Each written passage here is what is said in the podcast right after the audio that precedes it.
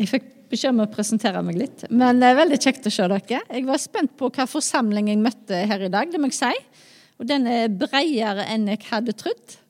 Eh, ifra dere ungdommer. Eh, utrolig kjekt at dere òg er her i kveld og får med dere dette temaet.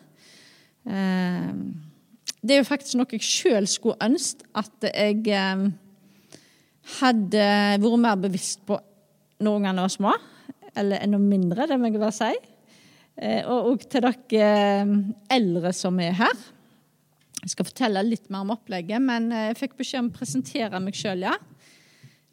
Marit Helen Hårklau Odnanes. Hårklau-navnet mitt kommer fra Skjold, så jeg er oppvokst i Skjold, så det er jo ikke så langt herfra.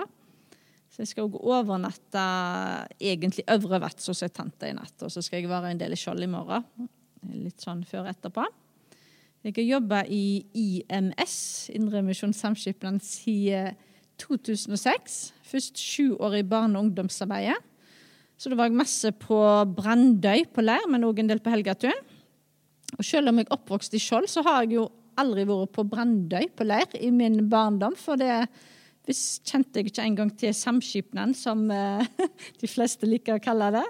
Eh, da reiste jeg på leir til Stemnesdalen eller Skårnesheimen.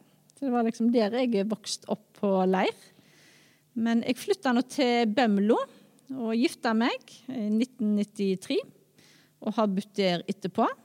Eh, vi har tre unger på 25, 23 og 17 år. Og yngstemann bor hjemme, går andreåret videregående.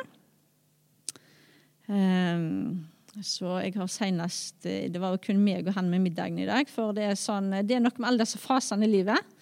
Hun, jenta vår hun uh, har nå fått sin første faste jobb etter utdannelse og kjøpt sin første leilighet. Så alle helger har gått med til å pusse opp den. Så sist helg så var hjelp med å flytte inn. Og, uh, men kjøkkenet kjøkken er ikke ferdig montert osv., så, videre, så der er man nå. Så senest i, i, med middagen i dag med han gutten min, så snakket vi om dette med, med tru og Altså, det kommer spennende år neste år med russetid og ja, hvordan går dette her? Spurte senest i går kveld og ja, hvordan går det? Leser du i Bibelen hver kveld ennå? ja, jeg skal dele sånn bitte litt uh, ifra det. Um, men tro i heimen, altså, det er uh, Egentlig så er utgangspunktet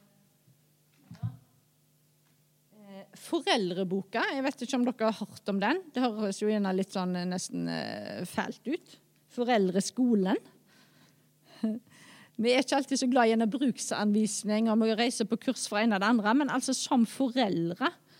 Um, og det med tru i heimen. Altså, tenk på hvor viktig det er, og hvor masse fokus har vi på det.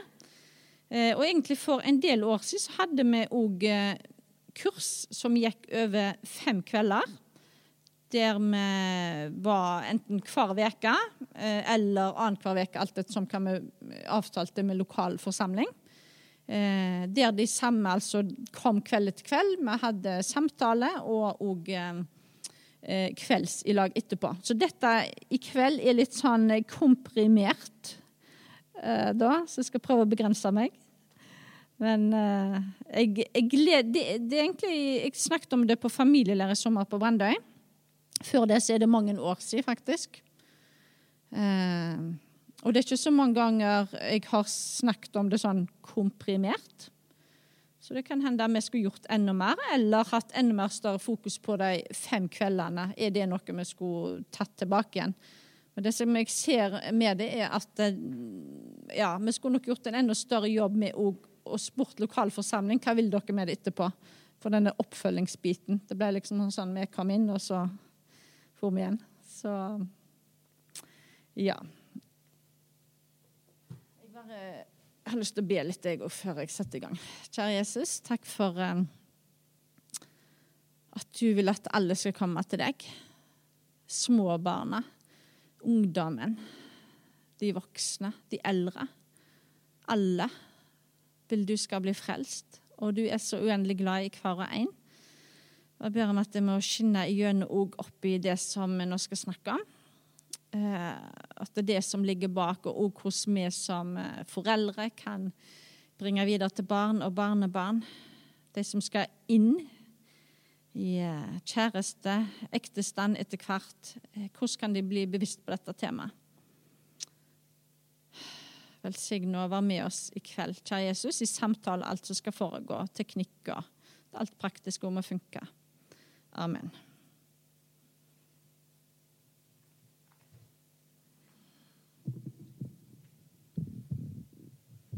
Ja. Aller, aller først skal vi faktisk uh, spille en uh, sang.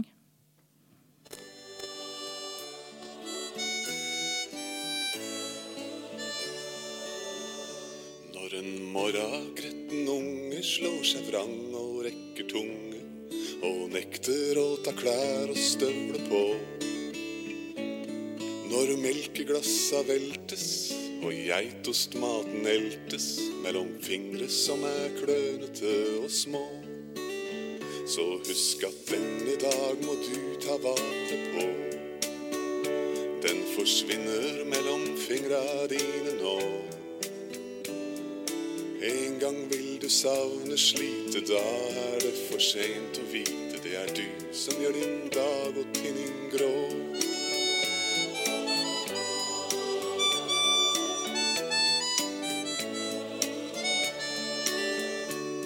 Når skrikinga og skrålet blir litt mer enn du kan tåle, og du kjefter på en glede og en lek. Når du har glemt å i hverdagen og strevet, og tålmodigheten din har satt sin strek, så husk at denne dag må du ta vare på. Den forsvinner mellom fingra dine nå. En gang vil du savne slite, da er det for seint å vite. Det er du som gjør din dag og tinning grå.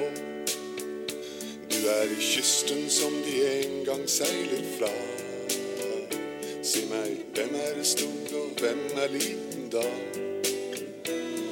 Når framtidshavet ligger som et speil, så blås din medvind inn i deres seil.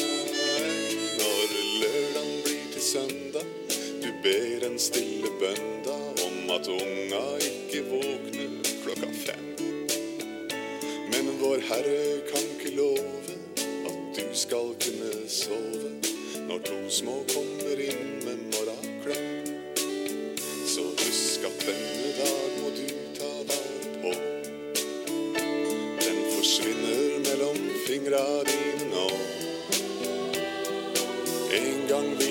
du slite, da er det for seint å vite. Det er du som gjør din dag og tinning grå.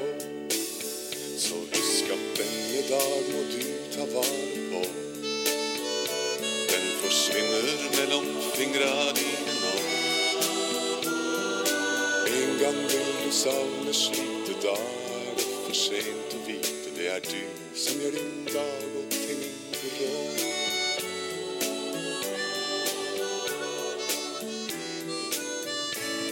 jeg vet ikke hvor mange av dere som fortsatt er der, da. Dere småunger som våkner fem om morgenen, alt dette. Men eh, noen har vært der, noen kommer til å komme der.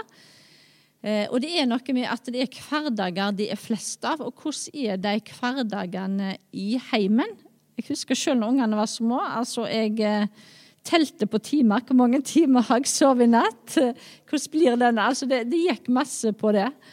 Det var ikke alltid overskuddet var sånn som det var, men så var det noe med at livet var der og da, midt oppi alt det kaoset og smuler under bordet og Ja.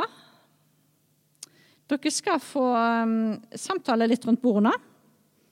To og to. Hvem har hatt størst innvirkning på trua di? Og det er et spørsmål som iallfall kan inkludere alle. Så bare prat litt i vei.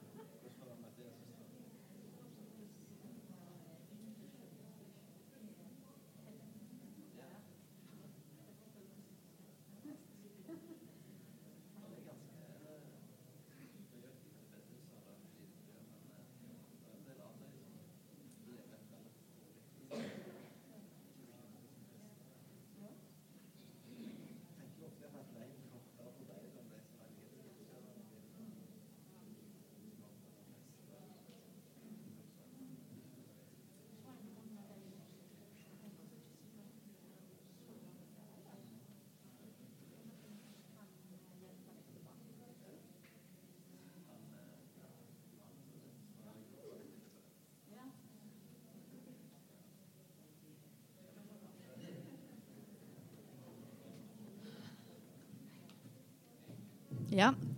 Er det noen som eh, er så frimodige at de eh, våger å bare dele helt kjapt?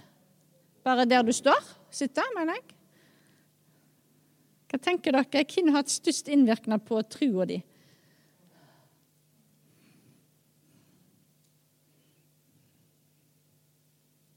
Ja? De gamle, ja. Jeg pekte på dere. ja, det var så bra. Foreldre om andre år. Ja, er, det som, er det flere som har det som eksempel? Ja, det er flere hender i været. Er det noen som har andre viktige personer? Eh, som, eller som var viktige for deres tro? Ja? Ja. Andre?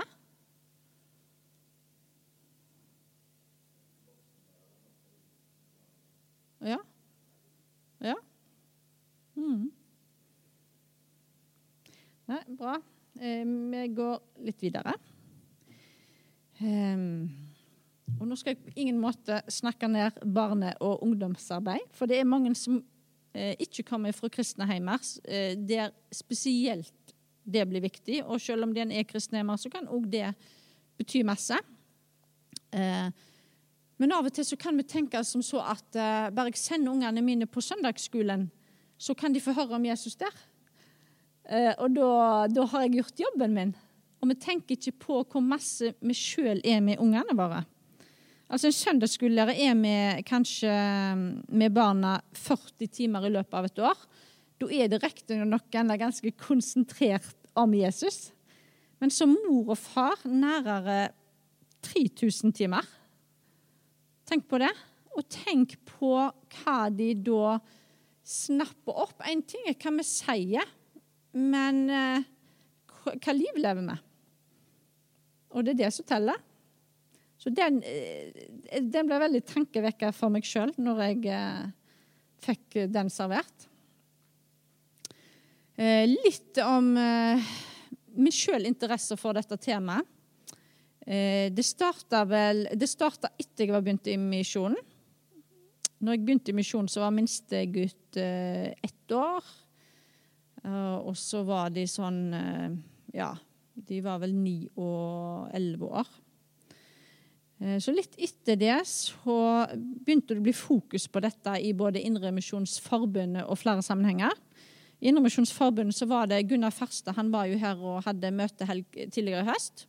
Han og en pastorkamerat, Runa Landro, Fredheim Arena, de reiste til USA og plukte ut en sånn D6-konferanse. Og nå har du allerede lest det flotte bibelverset. Eh, D-en står for Deuteronomy, som er femte Mosebok. Eh, der det, jeg leser det en gang til. Du skal elske Herren din Gud av hele ditt hjerte og hele din sjel og all din makt. Disse ordene som jeg byr deg i dag, skal du gjemme i hjertet ditt. Du skal innprente dem i barna dine og snakke om dem når du sitter hjemme når du går på veien, når når du legger deg og når du står opp. Du skal binde dem om hendene dine som et teiken og bære dem på panna som et merke.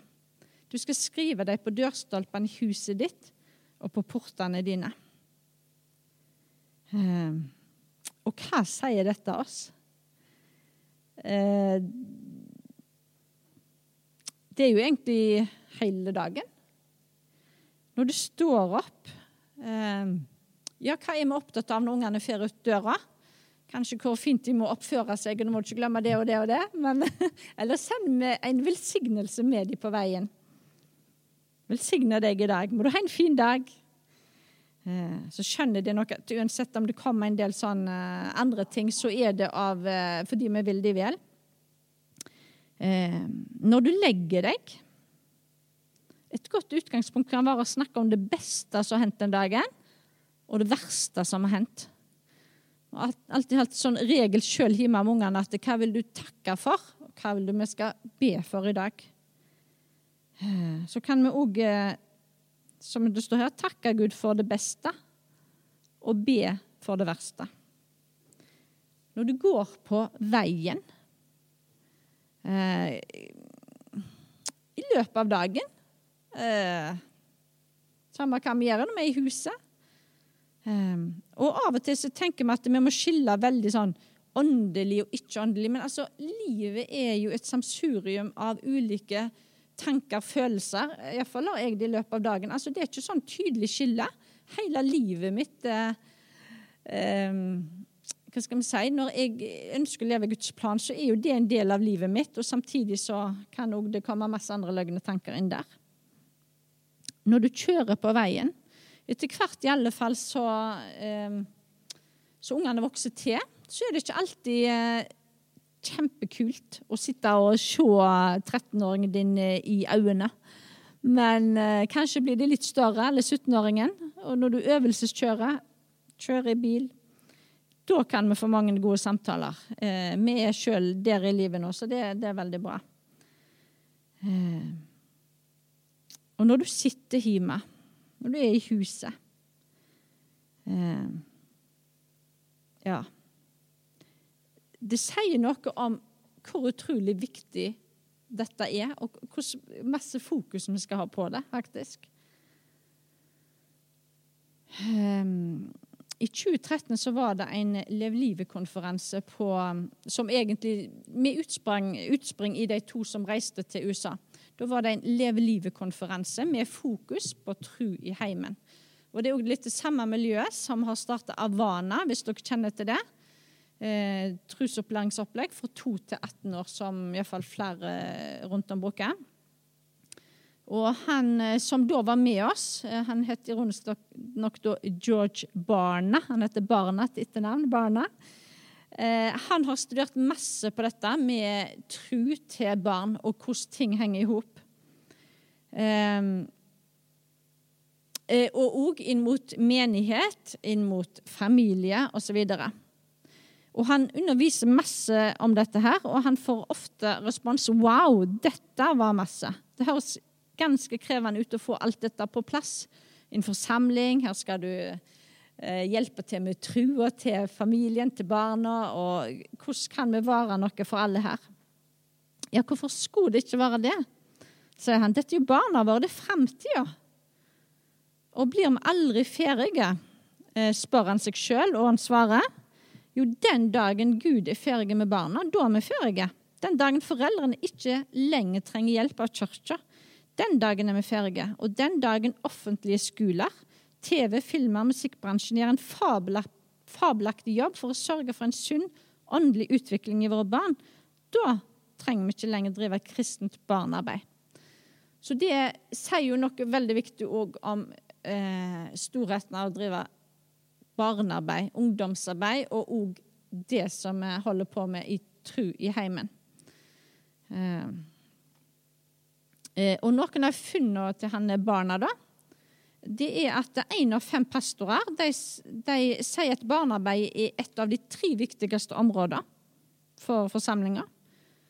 Eh, og av de som definerte det som viktigst, var det ofte langt ifra ord til handling. For vi kan eh, ofte mener og synes det at ungene er viktige. Og så samtidig så er det litt sånn når alt kommer til alt, så er det litt sånn Vi sender ungene ut, ja, sånn vi voksne skal få, få fred til å høre Guds ord her inne.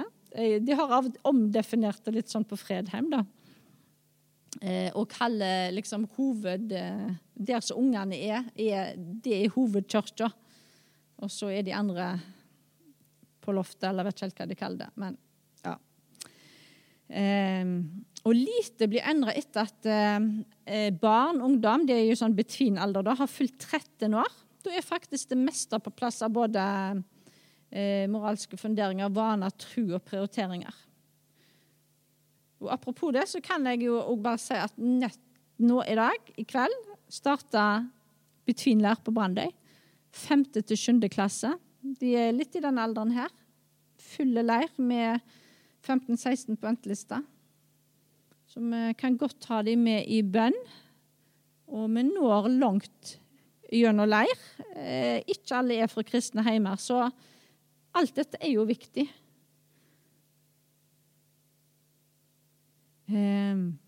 Og litt så innleder, Hvem er det som har ansvaret for å forme ungene våre? da? Hvem som har ansvaret for barna si tru? Det er lett å tenke at det overlater vi til de profesjonelle. de i menigheten, i kirka. Men det er oss som foreldre. Eh, så jeg sa i stad at eh, ikke alle prioriterer likevel barnearbeid så høyt. Mange ser på det som et nødvendig onde for å nå de voksne. Eh, og så er det jo litt, Jeg kjenner meg sjøl igjen dette. Når uh, ungen har vært på et eller annet arrangement, da, eh, hvor ofte spør vi om uh, hva, Ja, kanskje spør vi hva lærte du i dag, men, men snakker vi noen gang med søndagsskolelæreren? Hvordan opplever du at den åndelige utviklingen er til barnet mitt? Sånn som vi gjerne gjør i skolesammenheng. Kanskje er vi mer opptatt av ja, oppførte han seg fint i dag? Uh, så det er, det er, litt sånn tankevekkende. Men, men uh, Gud ønsker jo vekst for oss som er voksne, og for ungene og ungdommene alle. Um, uh, og det er jo helt naturlig å vokse. Hvis ikke et lite barn vokser, så er det jo spør om oss jo sjøl hva er galt. Og sånn er det òg faktisk i det åndelige livet. At vi lever et liv med Gud, da skal det bære frukt. Runa Runar Liodden, prest i Norske kirke, eh, han er også en av de som har vært med eh, på den foreldreboka. Den er, bare si det da, at den er utrolig bra bok, og det er ikke sånn Han peker jo på kanskje såre ting, men alle de som har vært med og skrevet boka, har sjøl eh, vært gjennom dette. Det er ikke en sånn dømmende bok der du sitter igjen med dårlig samvittighet og føler at du har gjort alt feil. Eh, fordi at dette er et sårt tema, et knallviktig tema, men også sårt tema, og det er det òg for meg. Men likevel så må vi jo snakke om det, tenker jeg, for det er så viktig. Og, og han spør om å ha undervurdert de viktigste samarbeidspartnerne for trua, nemlig heimen. Eh, fokus i menigheten har vært å skape attraktive tilbud og aktuelle møteplasser for barn, tenninger og voksne. Vi jobber lite målretta med heimene. Jeg tror de fleste menigheter er preget av tenkning som sier 'kom til oss', vi kan dette'. Dette bør dere ikke gå glipp av. Nå er det på høy tid at uh, kirka kommer hjem, sier han. Uh, og I forbindelse med den Leve livet-konferansen så gjorde NLA en uh, undersøkelse uh, på vegne av Indremisjonsforbundet, blant annet. Kanskje det bare var dem og spurte Jeg husker sjøl jeg skulle oppgi en del eh, navn rett og slett, av ungdommer som hadde vært på leir for fem-seks år siden. Eh, da fikk de spørsmål altså nå, hvor, hvor var det i dag. Hvem vil du regne som avgjørende for ditt religiøse ståsted i dag? Og de skilte faktisk mellom kristent hjem og litt kristent hjem. Jeg vet ikke helt hvor definisjonsgrensa går, men dere skjønner kanskje likevel litt innholdet. Um, kristent hjem, da ser jeg for meg at da var det mer praktisering av tru, og det var mer kanskje litt aktivt enn litt kristen hjem. At de kanskje gikk i, i kirka eller på julegudstjeneste, jeg vet ikke. Kanskje ja, litt der. Men eh, kristen, de, de ungdommene som kom fra kristenhjem, de sier at mor eh, betydde 89% far 85 så det er ganske likt, men det viser tydelig hvor viktig mor og far er. Eh, undersøkelser i USA viser òg eh, mor og far viktigst. Enda større forskjell der på mor og far, faktisk. Jeg vet ikke helt hvorfor, om det har med arbeidsmønster å gjøre, eller hva. Eh, venner er òg viktige. Leder i organisasjon, besteforeldre. Dere har vært innom alle de i dag. Søsken, lærer.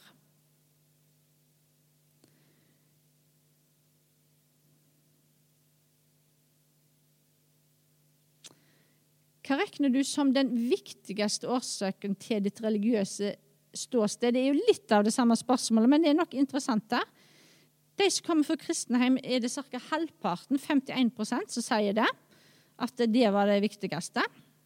Litt kristent hjem, de sier at hjemmet er, det betydde 17% Mens for dem så ble miljøet viktigst.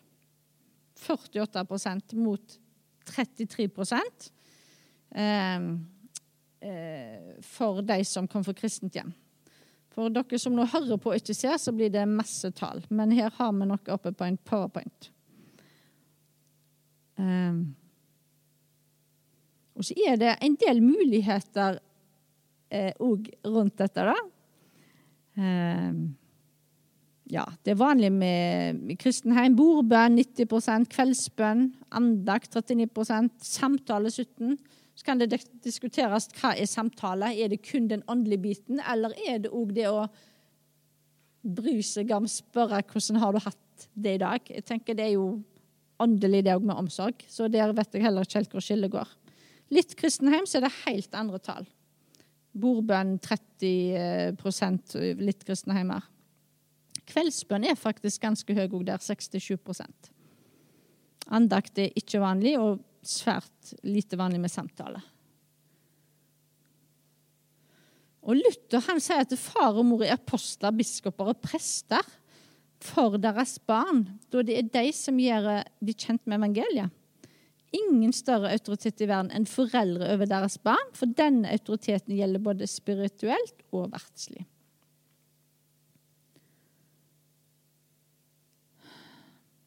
Ja, går litt videre. Tro på hjemmebane, hva handler det om, da?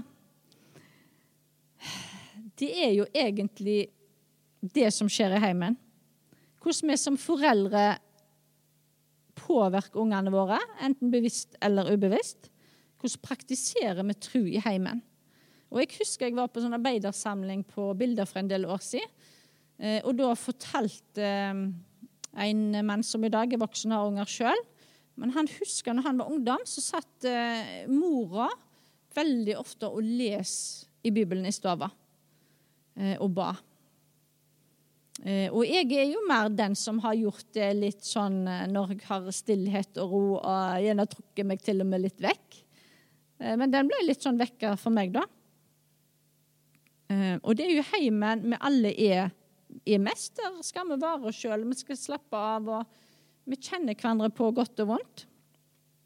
Heimen skal skape rammer rundt livet og prege det vi er, står for og tror på. Da vil det jo vise seg ja, mener vi det vi står her på scenen og preiker? er det sånn i heimen òg? At jeg eh, praktiserer det og viser det for ungene mine? Er det, er det overbevisende? Men vi har utrolig mange muligheter i heimen, da, sammen med de som er der. Så tror jeg at dere bare kan ta det spørsmålet med dere men grunn å tenke litt på det. På hva måte viser du barna dine at du har et hjerteforhold til Gud? Eller vi kan nok spørre litt sånn uh, fra andre sida hvordan tror du at ungene dine ser at du har et hjerteforhold til Gud?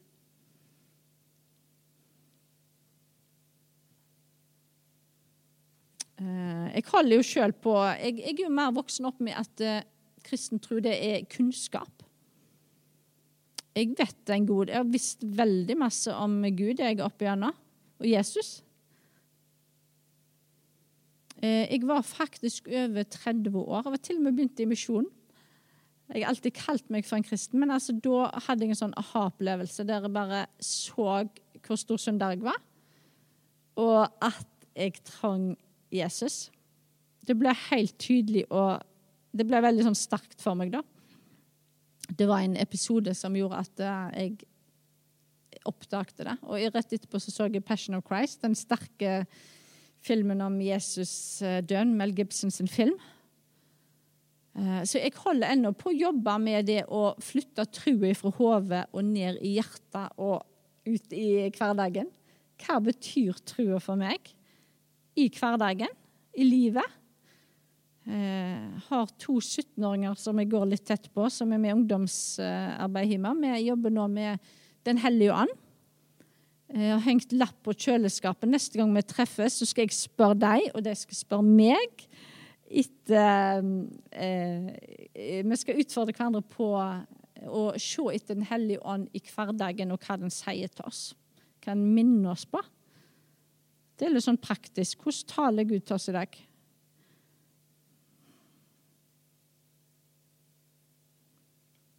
Det er bedre å se ei preik enn å høre ei. Ja. Eh, og det som han barna sa fra USA, som har undersøkt eller forska masse på dette, det er at mange unge, og dette syns jeg er kjempeskummelt til seg sjøl, de faller fra trua for de erfarer og oppdager at det foreldre sier, de tror på, de føler ikke det stemmer i virkelige livet. Eh, og det var en pastor som faktisk sa det, som gikk til konfirmantundervisning, som ble mer og mer tent. Og foreldre syntes det var kjekt å gikk på konfirmantundervisning. Eh, og så plutselig så bare liksom trakk hun seg litt vekk, og så sier hun at, at eh, foreldrene mine tror ikke på dette, de likevel. Da var det plutselig ikke så viktig for henne heller, for hun følte nettopp at det var, det var ikke troverdig. Den syns jeg er, den er skummel, og òg for meg som mor da, tar med. Eh, og så tror jeg, selv om dette temaet ble presentert for meg eh, i godt voksen alder eh, Da hadde vi òg sånn foreldrekurs. Det første hadde vi på Gilje, der som jeg nå bor, på Bømlo. Eh, og vi hadde delt inn i to grupper. Vi hadde un felles undervisning, og så gikk eh, ei gruppe Vi hadde med, med tenåringsbarn. Vi var kommet der, og så var de for små, eh, små barn. Og vi var jo alle der at å, dette skulle vi visst før. Og samtidig da, så er det jo noe med at det som eh, er viktig for deg, det vil du jo automatisk gi videre. Egentlig. Jeg tenker at uh, Våre besteforeldre har ikke fått gjerne innprenta dette temaet her. Men det har vært likevel så viktig for dem, så jeg tror likevel vi har jo gitt videre det, det viktigste likevel. Og Hvis livet ditt lukter godt og ser ut som et liv barnet ditt vil ha, så skal det mye til at det velger noe annet enn deg. Eh, så den er jo til trøst og bra å ta med, og samtidig så vet jeg òg av erfaring hvor viktige vennene blir i, i um, russetida osv. If you don't teach the children, someone else will, er et sånt uttrykk. Og jeg husker at For en del år siden så hadde vi etter høstmøtet på Stord så hadde vi Eh, sånn evangelisk eh, ja, eller aksjon, vet ikke om vi kaller det det, men vi hadde iallfall stand ute om kvelden og snakket med folk som gikk forbi.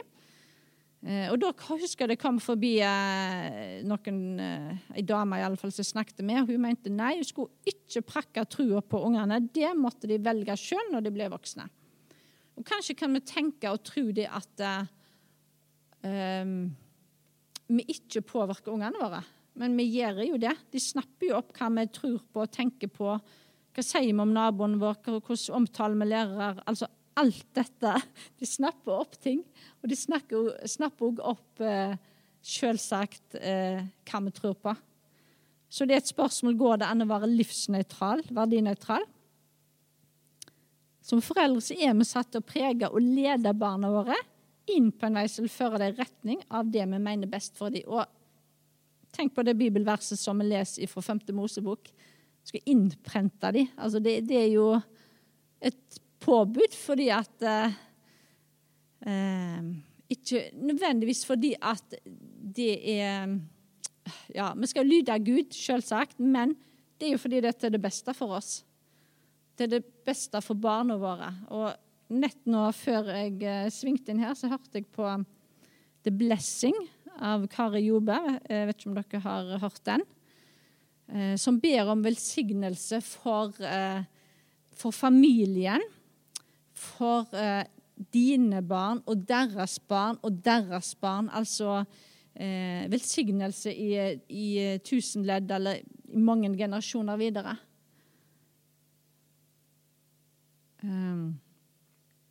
Jeg og mitt hus, vi vil tjene Herren. Uh, det er jo et fint mål. Uh, og det er jo litt sånn uh, flere av oss som er i ulike jobber. Vi har en strategiarbeid og visjon og mål og setup sånn. Men snakker vi om det som ektepar? Hva ønsker vi for heimen vår? For ungene våre? Hva visjon, hva mål har vi? Um, og så er det Nå skal jeg på søndag Altså, dette er jo sunne og voksende forsamlinger, eh, som er litt sånn hovedtema. Dette er litt spesifikt i kveld, men jeg vil jo absolutt si at det er en viktig bit av det temaet. Eh, For vi ønsker jo sunne og voksende heimer, og eh, en forsamling består av enkeltmennesker. Og det at vi får neste generasjon med oss, det betyr jo at vi har voksende forsamlinger òg. Eh, og så kan jeg av og til sjøl kjenne på at dette er masse på skuldrene. Av og til selvfølgelig virkelig mislykkes. Men tenk det at eh, i forsamlingen her òg Det er Guds menighet. Jeg skal få så, og jeg skal få gjøre det beste jeg kan. Stelle med jorda. Stelle med ungene, stelle med hjertet deres. Men jeg kan faktisk ikke bestemme over dem. Eh, Jeg er Guds redskap, men jeg har Han som hjelper meg, og Den hellige ånd som er, gir meg kraft til hverdagen. Jeg har fått Bibelen, som er Guds levende ord. Og Jesus han møter oss med nåde og tilgivelse. Og Den hellige ånd utruster oss, hjelper oss. Og så tenkte jeg litt på det, da.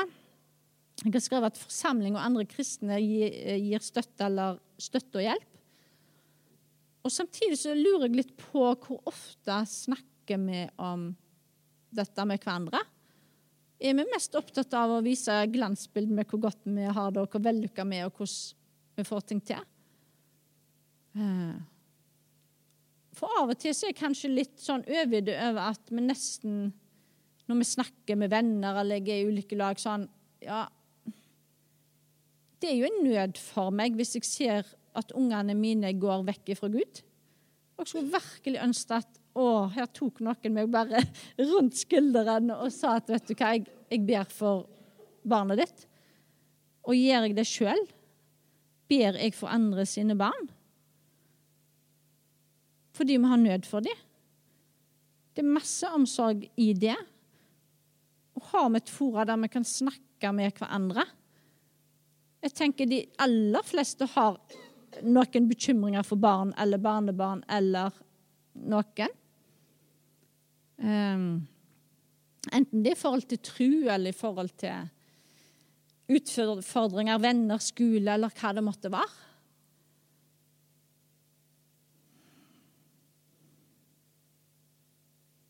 Og så kommer vi kanskje til en dag der ungene ikke vil. Kanskje er de tydelige på at de ikke vil tro, til og med. Og de vil iallfall ikke være med på bedehuset. Kom i between-alderen. 13-årsalderen. Det er egentlig eh, da detter mange ifra trua, og neste fasen i forhold til Eller Avana sier at 19 Da eh, er det mange som detter ifra. Da må du følge de ekstra opp. Da flytter mange hjemmefra. Og da sier de at da må du følge opp ungen din i ett år til han har funnet en kristen forsamling å gå i. Har ikke ungen din funnet kristen forsamling etter ett år, så må du følge opp i ett år til. Det er så viktig.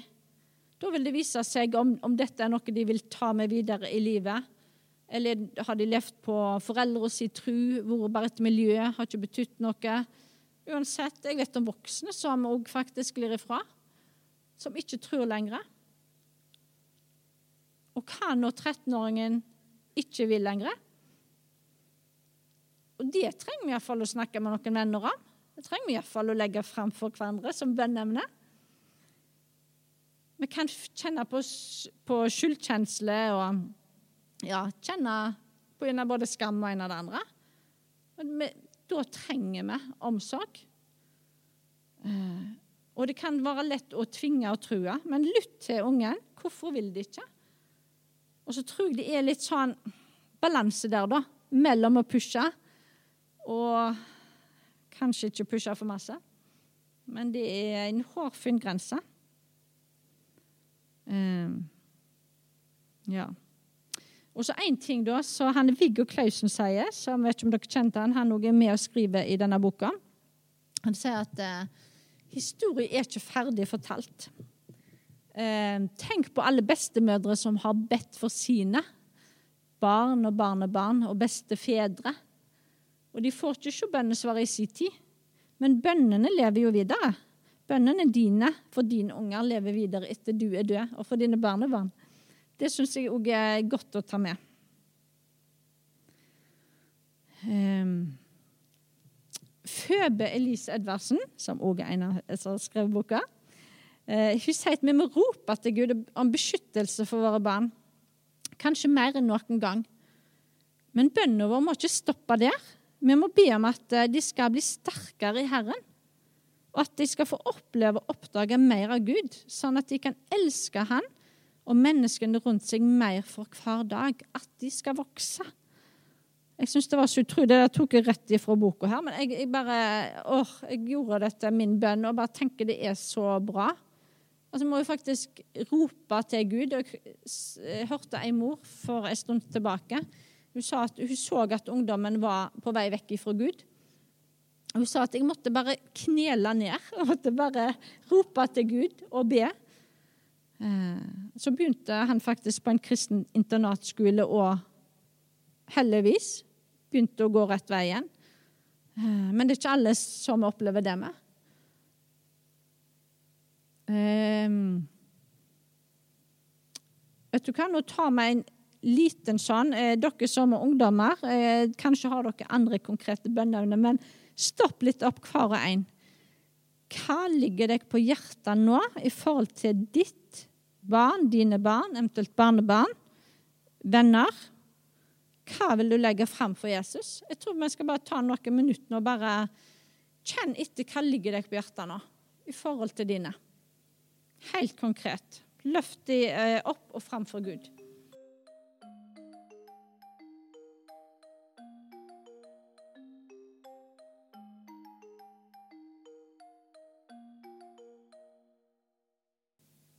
Ta gjerne bønnene med deg etterpå.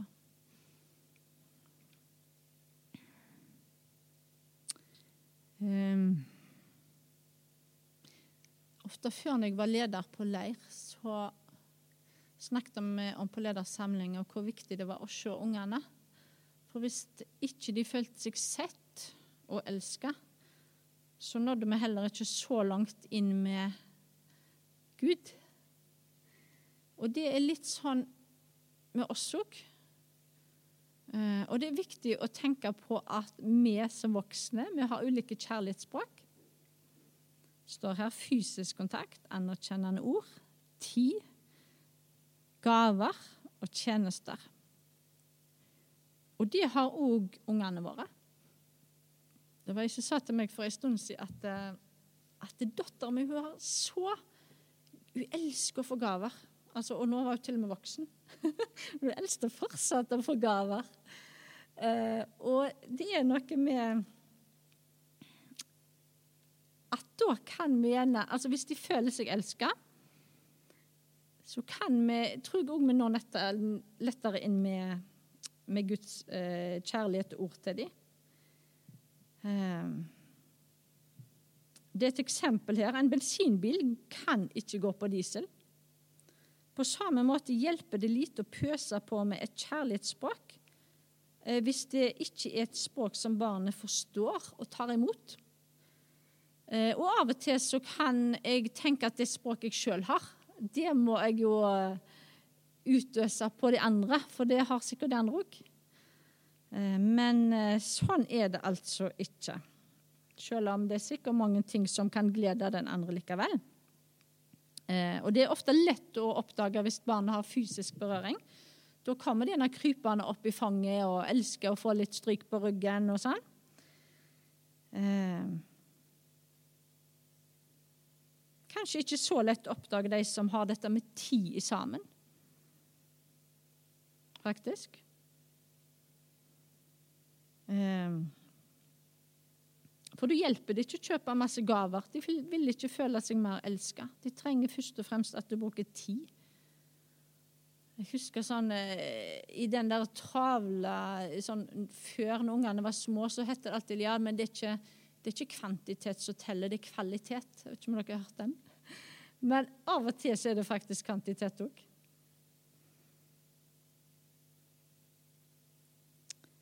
Eh, Og har barn en ord som språk, så vil de ikke føle seg elska bare med tjenester eller kjærtegn. De må faktisk få høre de gode ordene for at kjærligheten skal nå frem. Og kanskje er det noen som har reagert på at barn er skikkelig bortskjemt. Som må trøstes på julaften fordi de har ikke fått den rette gava eller det de ønsket seg. Så har de ikke følt seg elska. Så viktig å tenke på. Ta, tenk gjerne over det. Hva kjærlighetsspråk har du sjøl, barnet ditt, barnebarna dine? Og det er noe med den tanken, da. Uh, den lurer jeg nesten Den vet jeg Gunnar Farstad er veldig glad i, faktisk. Uh, fordi at uh, vi trenger å fylle på kjærlighetstanken, som er her symbolisert ved vann. Men hvis det kan være en del hull i den der tanken som renner ut, og da trenger vi i alle fall å putte på, pøse på med kjærlighetsspråket vårt, sånn at vi har litt på tanken. Eh, og så, Dette skal jeg faktisk hoppe veldig fort over, men nå, det er et eget kapittel i boka eh, som sier litt om ungene i vekst, og hvordan vi kan nå dem i ulike aldrer. Hva kan vi dele med barnet hva tid? Eh, og dette, dere som er lærere, førskolelærer, dere har helt sikkert vært gjennom noe lignende. Men altså bare litt sånn null til tre år. Kjærlighet og nærhet er viktig.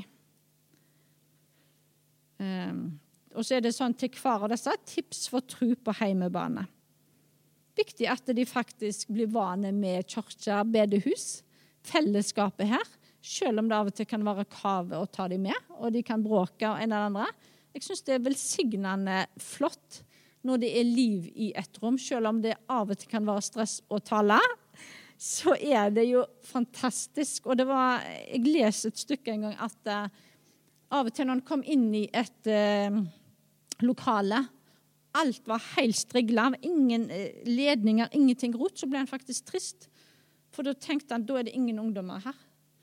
Så egentlig må bare rote litt med ledninger, og det skal faktisk være liv, for vi vil ha en generasjonsforsamling. Fire til seks år da de er leken og nysgjerrige. Eh, det er naturlig å snakke eh, om eh, tru og bønn. Av og til så tenker vi at ja, de er jo så små, de skjønner jo så lite. Vet du hva, Vi må bare pøse på, snakke, lese til dem. Eh, eh, og huske faktisk enda en sånn glanshistorie fra Da var dattera vår seks år, seks eller sju. vi var på tur med koret vårt til Hviterussland. Eh, og vi gjorde masse eh, galne ting, nesten, skulle jeg si, til å være et ganske lukka land. Vi vitna og sang om Jesus. Who I annen eh, danste til Lisa Børud. Eh, jeg blir så happy av å vite at Jesus er min beste venn. Alle de visste jo ikke helt hva Det var jo på norsk, noe av det, så de visste ikke hva vi sang. Men altså bare La de ta seg ut. Sett på boblende musikk. og De har så masse liv i seg, og de må bare føle at vi ikke skal begrense dem. Eh, eller at Gud skal begrense dem. Jeg og de andre. Det er litt av det samme eh, her òg. Eh, gi ungene små oppgaver i menigheten, og la de føle seg betydningsfulle. Og Av og til så kan det være mer enn bare å gi dem en liten oppgave òg, tenker jeg faktisk. Det går til og med an å spørre dem om å være med å lede, eller gjøre litt større ting. Vi trenger å gå sammen med dem, vi trenger å utruste, for vi vil ha neste generasjon med oss. Og det å utruste er så viktig. Eh, Between-alderen 10-13 er kjempespennende, kan være krevende. Jeg er veldig glad i den alderen. Har eh, likt alltid godt å ha betvinere og opp. Jeg har mest vært min gruppe, må jeg si. Um, um, men uh, tips til tro på heimebane, ja. Fortsatt viktig med hverdagsrutiner. Dere får bare lese litt fort her, dere som Det er masse punkt. Uh, be sammen, spesielle prosjekt. Og nå kom jeg på at jeg har noe i bilen, litt sånne brosjyrer hvis noen er interessert. Så jeg var og fant i skapet på kontoret. Er, som handler litt om det å gjøre noe i lag som familie. Eh, som Bibelselskapet har gitt ut. Jeg kan hente det i pausen. Ja. Bettina elsker litt sånn kreativ bibelfortelling. Rapping, dansing, dramatisering osv. 14 år ungdom på egne bein. De søkende, utforskende. Opptatt av hva andre syns og mener. Og faktisk, mange av de kan du ha gode, dype samtaler med. Og det går an å gjøre Jeg hørte en familie som nå i koronatid hadde hatt alfa i heimen, faktisk. Og de hadde til og med reist på Viken i lag. De hadde sett på undervisning og snakket i lag og bestilt god mat. Det går an å gjøre masse kreative, kjekke ting i lag. Eh, fordi vi ønsker å bygge. Og tenk så de husker det, da. Jeg vet ennå noen hjemme i bygda som før hadde familiegrupper, bibelgrupper og husker det som noe av det beste tida faktisk som de hadde.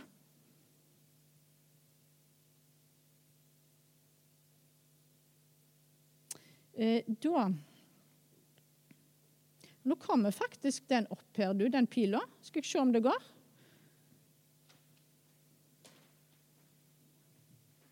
Ja, jeg trykker, jeg.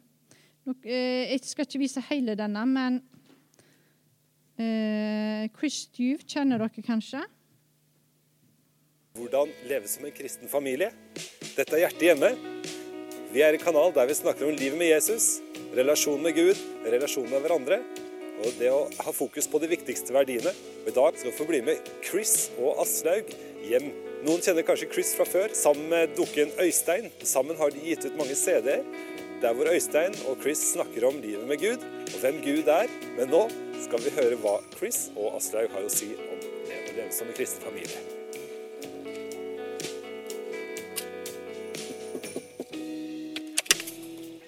Hei.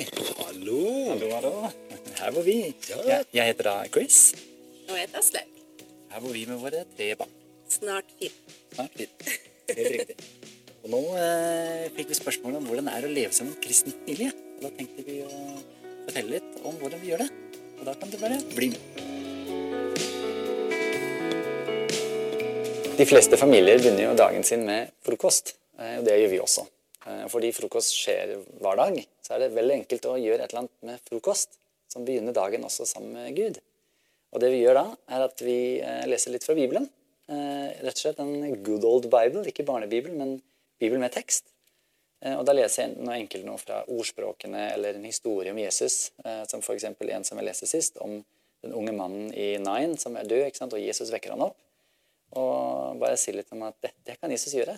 Jesus er sterk. Han kan vekke opp mennesker fra de døde. La oss be Jesus om å hjelpe oss også i dag. Og så ber vi for dagen.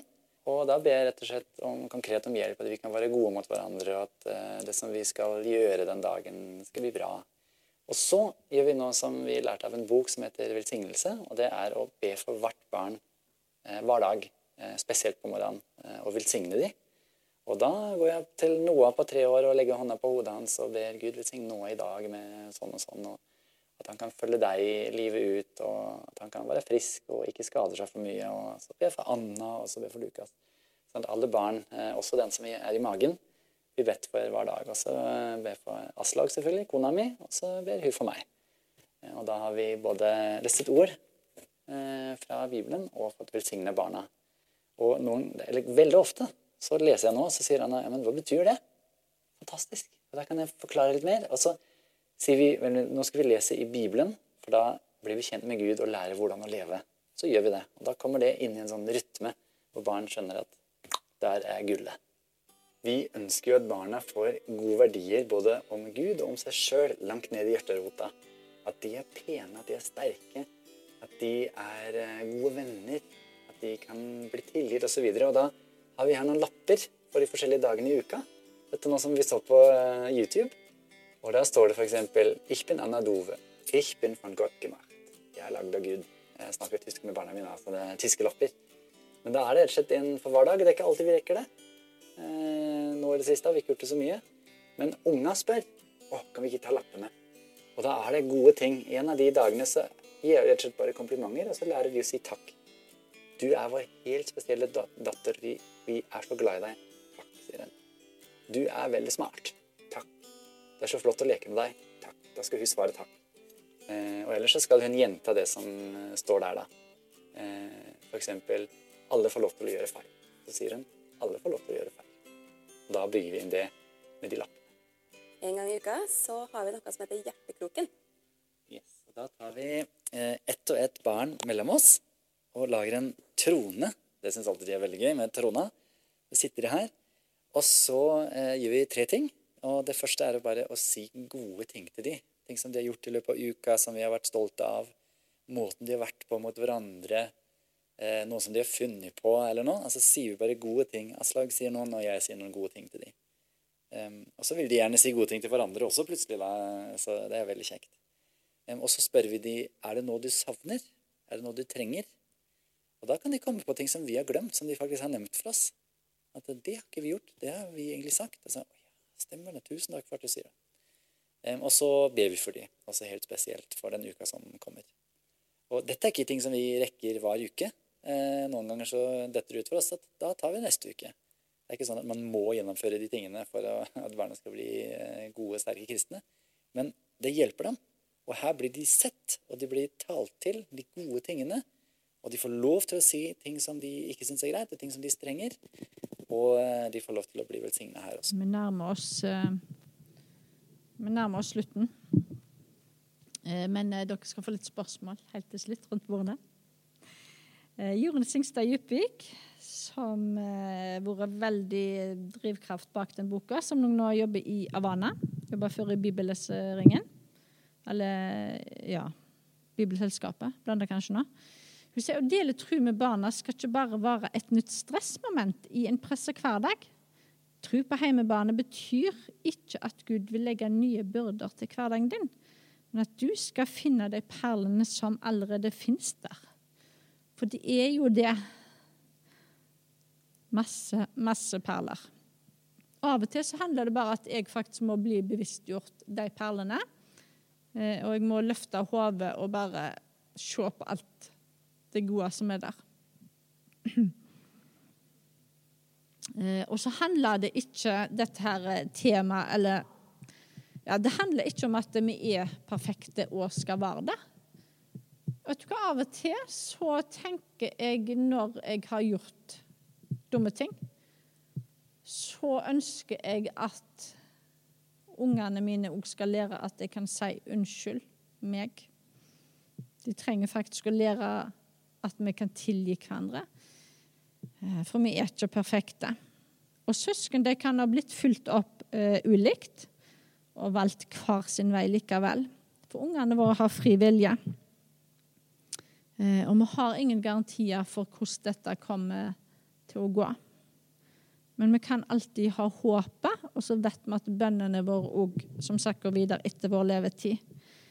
Jeg er veldig glad i Efeserne 3, 14-21 står det masse bra. Men i 20 Han som verker i oss med si kraft og kan gjøre så uendelig Eller står det, her står det mye mer enn alt det vi ber om og skjønner. Og det kan han virkelig. Jeg kan av og til gjerne sukke og eh, tenke dette går ikke. Jeg husker jeg var på, eh, i Lyngdal på bibelkamp for mange år siden. Og da sa Jon Herdang at husk at Gud han har større planer for ungene dine enn du har sjøl. For jeg tenker menneskelig. Jeg begrenser både Gud og meg sjøl og mine. Gud han har så uendelig store tanker, han. Han kan gjøre alt. Bare han får slippe til, så kan alt skje. Um, jeg tenker Før vi tar kveld, så har jeg veldig lyst til at dere snakker litt rundt bordene. For jeg vet at Hvis maten blir satt fram, da eh, går drøsen om alt annet. er min erfaring. Så dere kan få snakke nå litt om disse spørsmålene. Eh, samtale om det du har hørt. Hva gjorde inntrykk? Var det noe som skapte reaksjon? Provoserte deg? Og hva gjør du med faktum at ingenting påvirker våre barns tro mer enn en det det som skjer innenfor eh, de fire veggene hjemme? Eventuelt. Det er masse spørsmål. Det er noe helt greit å bare ta ett. Hva behov har du fra forsamlinger eller andre kristne når det gjelder tro i heimen? Og det går an å melde òg til forsamling lederskap her. Er det noe du ønsker deg? I forhold til dette temaet, i forhold til eh, hjelp ungene, eh, tru. Eh, Avana har jo veldig fokus òg på det, å nå heimen. Eh, vi har sjøl Avana for ungdom. Der er det ikke så lett, føler jeg kanskje. Men eh, de som har bøker med him som er mindre, så er det òg eh, litt sånn mer lettere å følge opp og gi hjelp til det. Jeg kunne jo egentlig tenkt meg, nå, om, når dere har snakket litt, om det går an å be for hverandre rundt bordene, men jeg vet ikke helt hvordan kulturen er her og, og sånn. Er det fullt mulig? Da syns jeg vi skal gjøre det. For det henger litt i hop med noe av det som jeg skal snakke om videre, og, og spesielt søndag. Eh, det livsnære, og hvordan kan vi bli enda mer glad i hverandre, komme tettere på hverandre. Da er det òg litt med Hvis vi kan be for hverandre og legge litt frem for hverandre. Men da er du likevel bare så personlig som du vil, tenker jeg så kan dere be for uh, Om dere faktisk Noen uh, grupper er litt store. Det går an å gå fire og fire i lag på de store bordene. Men uh, snakk litt i lag først, og så kan jeg gi tegn når vi kan ta det og be i lag.